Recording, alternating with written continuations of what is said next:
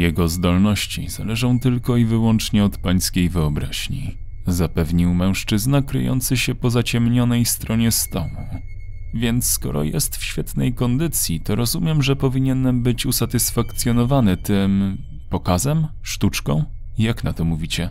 Nieważne. Chcę jedynie podkreślić, że mam prawo do otrzymania zwrotu pieniędzy w przypadku przypadku niezadowolenia. Oczywiście, ma pan takie prawo, choć radzę się tym nie martwić.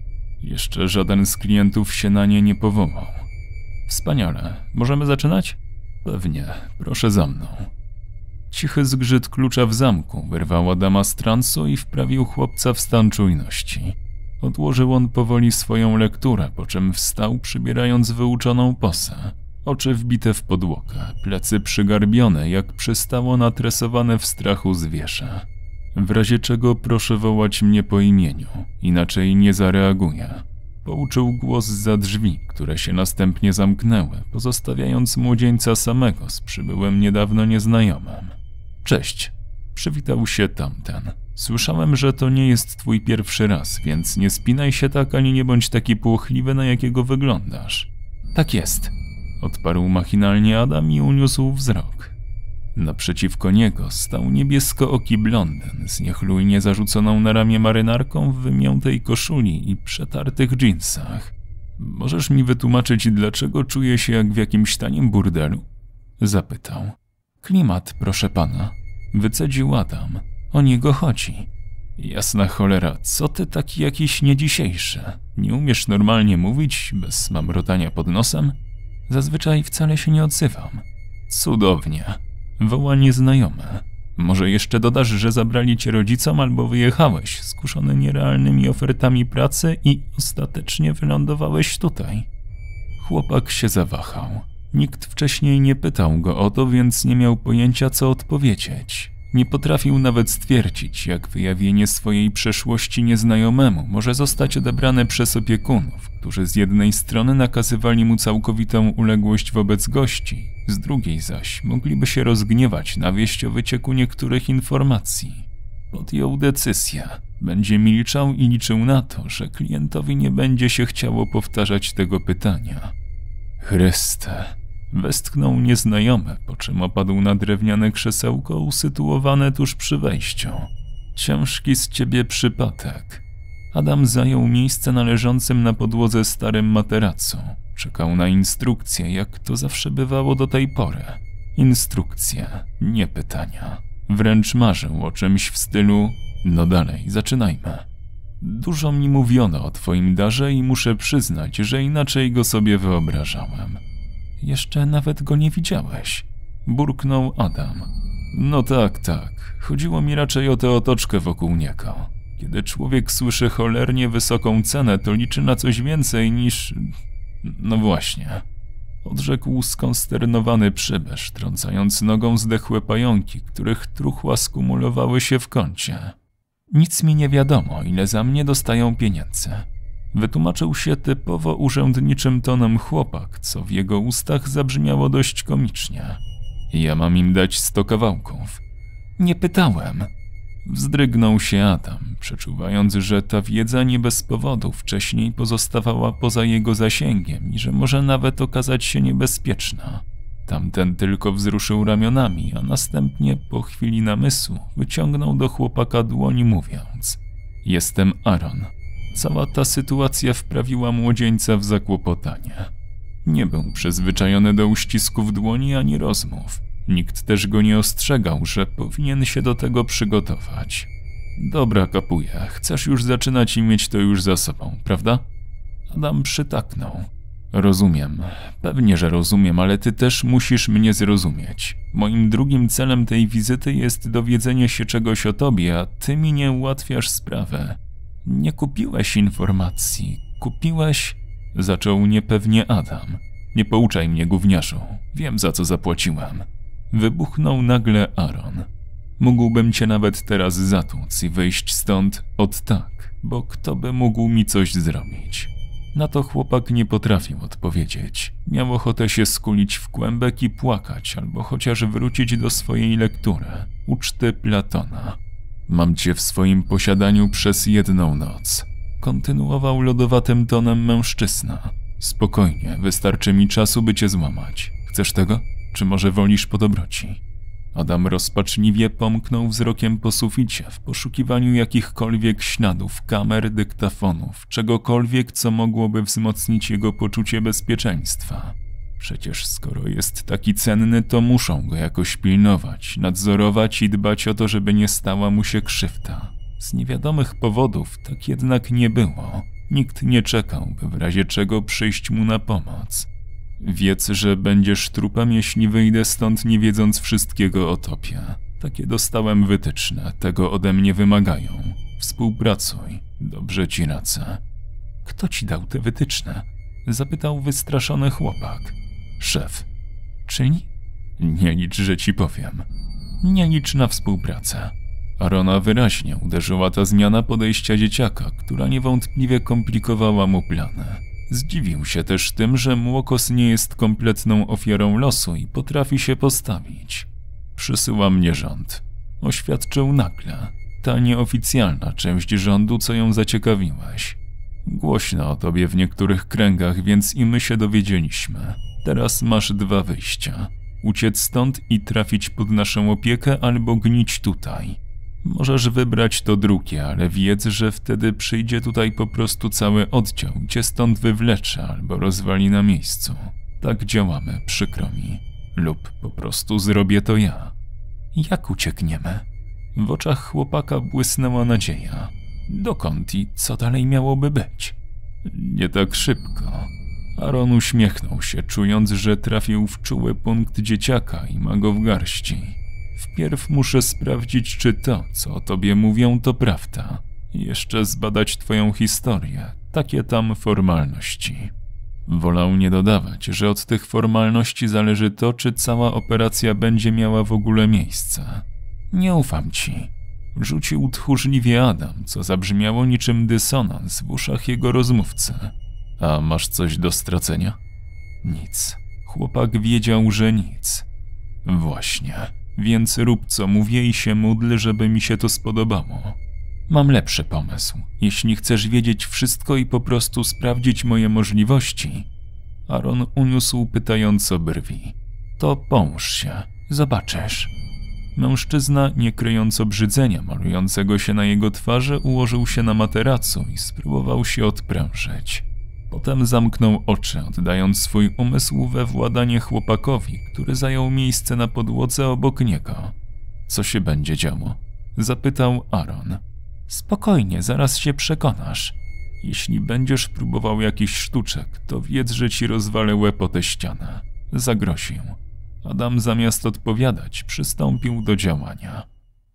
Jest ciemno, zimno, wilgotno. Panuje kompletna cisza.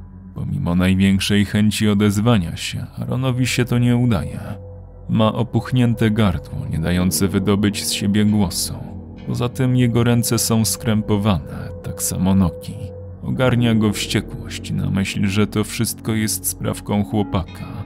Czyżby został oszukany?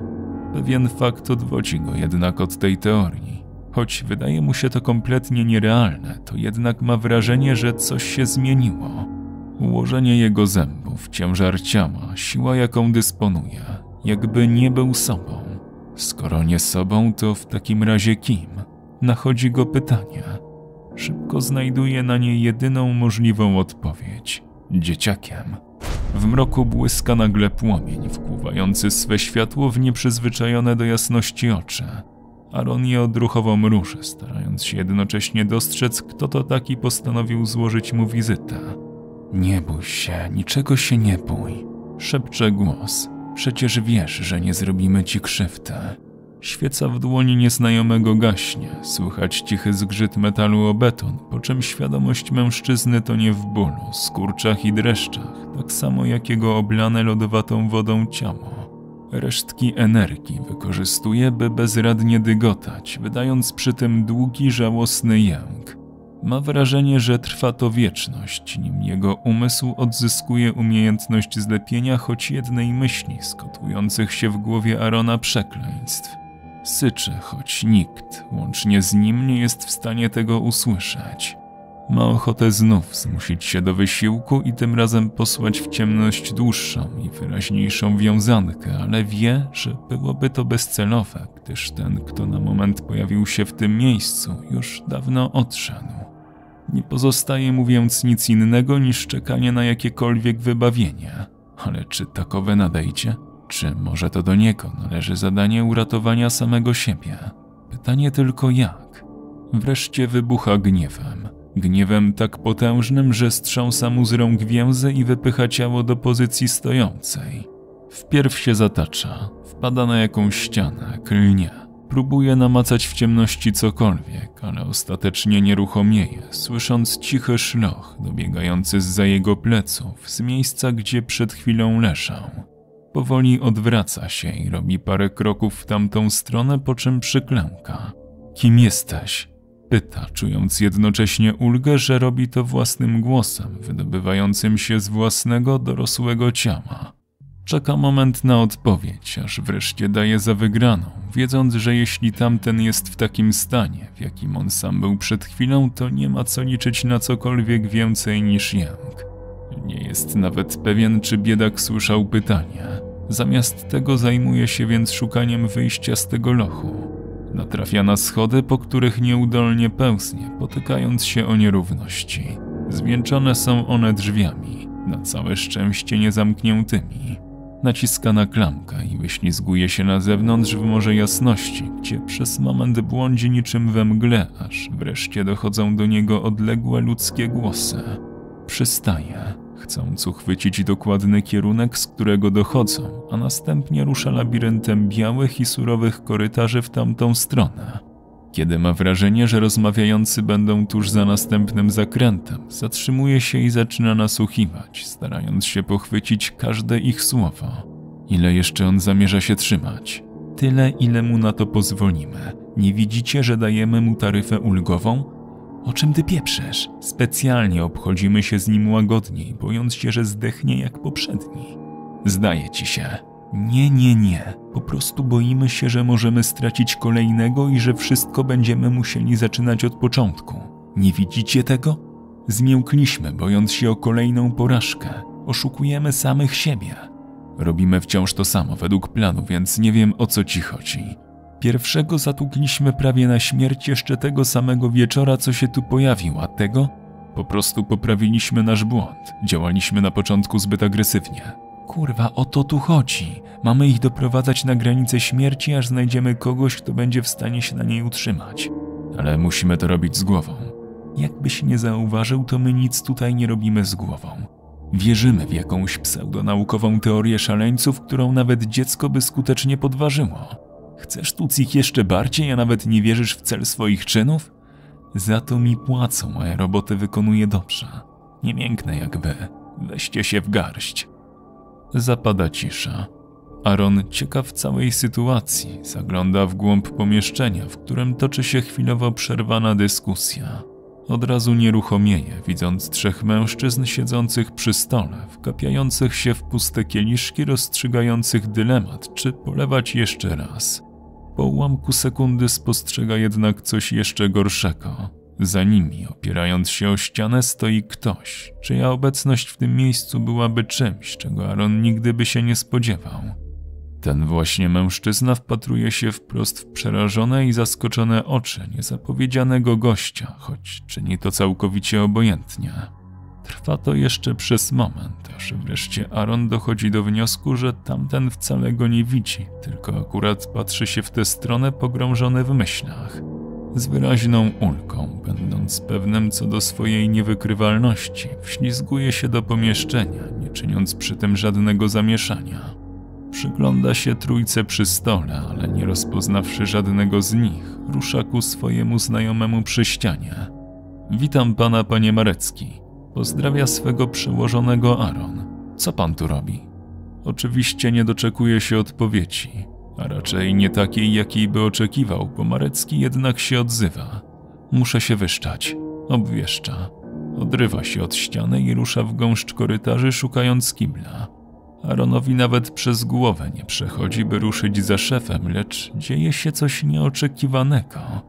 Mężczyzna wychodząc z pokoju rzuca szybkie spojrzenie przez ramię wymierzone wprost w swojego podwładnego, jakby wydając rozkaz, by ten jednak mu towarzyszył podczas podróży. Arona oblewają pot i dreszcze, ale rusza za nim w duchu, próbując rozstrzygnąć, czy jest widzialny, czy też może to był przypadek. Ostatecznie odpowiedzi na oba te pytania są przeczące. Marecki się nie odzywa. Zmienia się to dopiero wtedy, kiedy zamyka się w toalecie i ma pewność, że żaden z pozostałej trójki nie będzie go słyszał. Wiem, że tu jesteś. Odzywa się. Sam cię tu przysłałem, prawda? Nie odpowiadaj i tak nie usłyszę. Aaron kompletnie nieruchomieje, nie wiedząc co robić. Twoja obecność jest potwierdzeniem tego, że cały eksperyment się udał. Dlatego też daję ci nowy rozkaz. Porzuć swoją obecną misję i zamelduj się z powrotem u mnie. Kiedy wrócisz, powtórz mi kod 2132. Tak, na wszelki wypadek, żeby nie było, że zmyślasz i żebym miał pewność. A teraz, Aaron, spadaj stąd. Chcę się serio wyszczać. Nawet nie potrzebował jakiegoś specjalnego wyjścia z tego transu. Wystarczyła sama sugestia Mareckiego, by wszystko się zmieszało, rozmazało, a na koniec rozpadło. Obudził się na materacu, a nad nim stał przejęty Adam. Wszystko w porządku? zapytał dzieciak. Jak było? Aaron usiadł, po czym zaczął masować sobie skronie, jakby próbował włączyć w swojej głowie funkcję myślenia. Nie rozumiem, wycedził wreszcie. Chłopak słysząc to zląkł się, a w jego oczach pojawił się lęk. Coś nie tak? Chciałeś wiedzieć, jak to wszystko wyglądało, jak zostałem wychowany, jak do tego doszło, że potrafię takie rzeczy, to pokazałem ci jedyną rzecz, którą pamiętam. Aaron podniósł wzrok ku niemu i od razu przekonał się, że to był błąd. Zaczął współczuć, w jego pracy nie ma miejsca na takie uczucia. Pamiętał rozkaz, który odnalazł w tym jakże dziwnym transie, ale z drugiej strony nie potrafił też w niego uwierzyć. Być może to był tylko twór jego własnego umysłu, nic związanego z rzeczywistością ani z przeszłością. Powiedziałeś, że mnie stąd zabierzesz, wymamrotał Adam.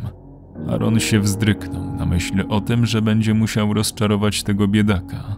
Którakolwiek z opcji była prawdziwa. Czy ta głosząca, że to był jedynie sen, czy ta, w której Marecki naprawdę wydał mu rozkaz. Obie zakładały, że będzie musiał porzucić chłopca tutaj. Przybywając, miał za zadanie odzyskać dzieciaka, jeśli to będzie możliwe, jeśli jego dar okaże się prawdziwy, a teraz, jeśli jego dar był faktycznie prawdziwy, to zadanie to uległo zmianie.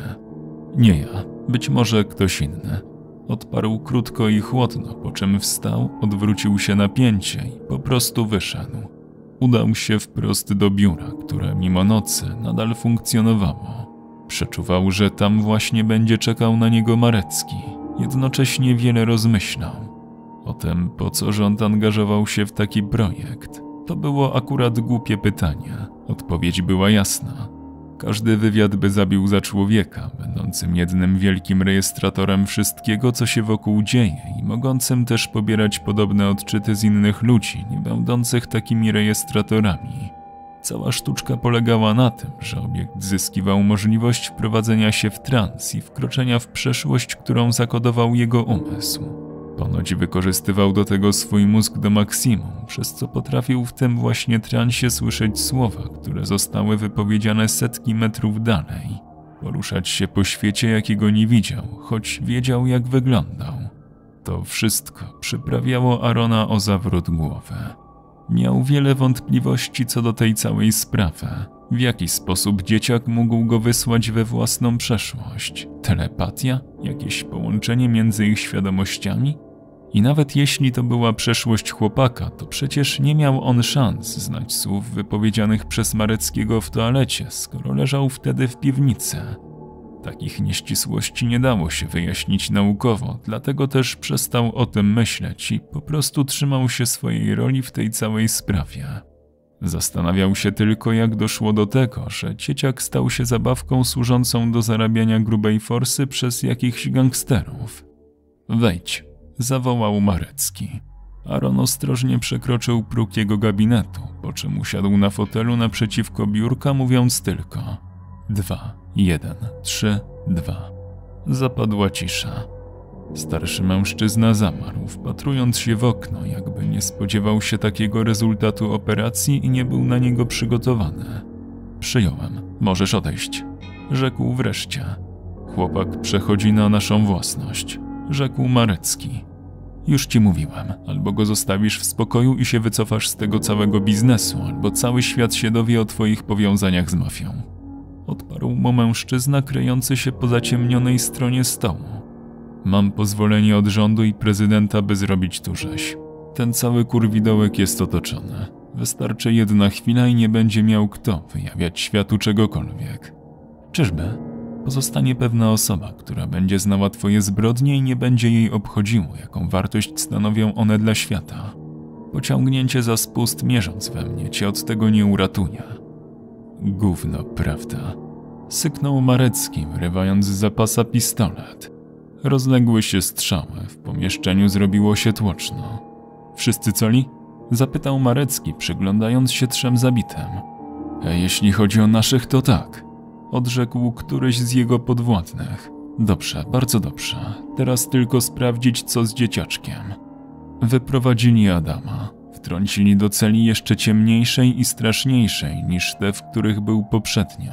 Przyprowadzali ludzi. Różnych. Przeciwników politycznych, podejrzanych, niechcianych. Każdego, kogo tylko góra chciała się pospeć.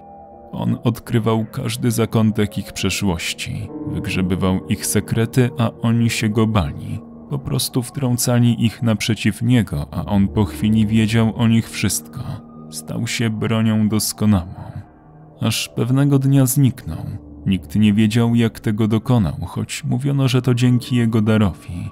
Najpotężniejszy człowiek świata, mogący przewrócić państwo do góry nogami, był na wolności. Minęły lata, nikt nadal go nie znalazł, prócz mnie, choć ja go nie szukałem.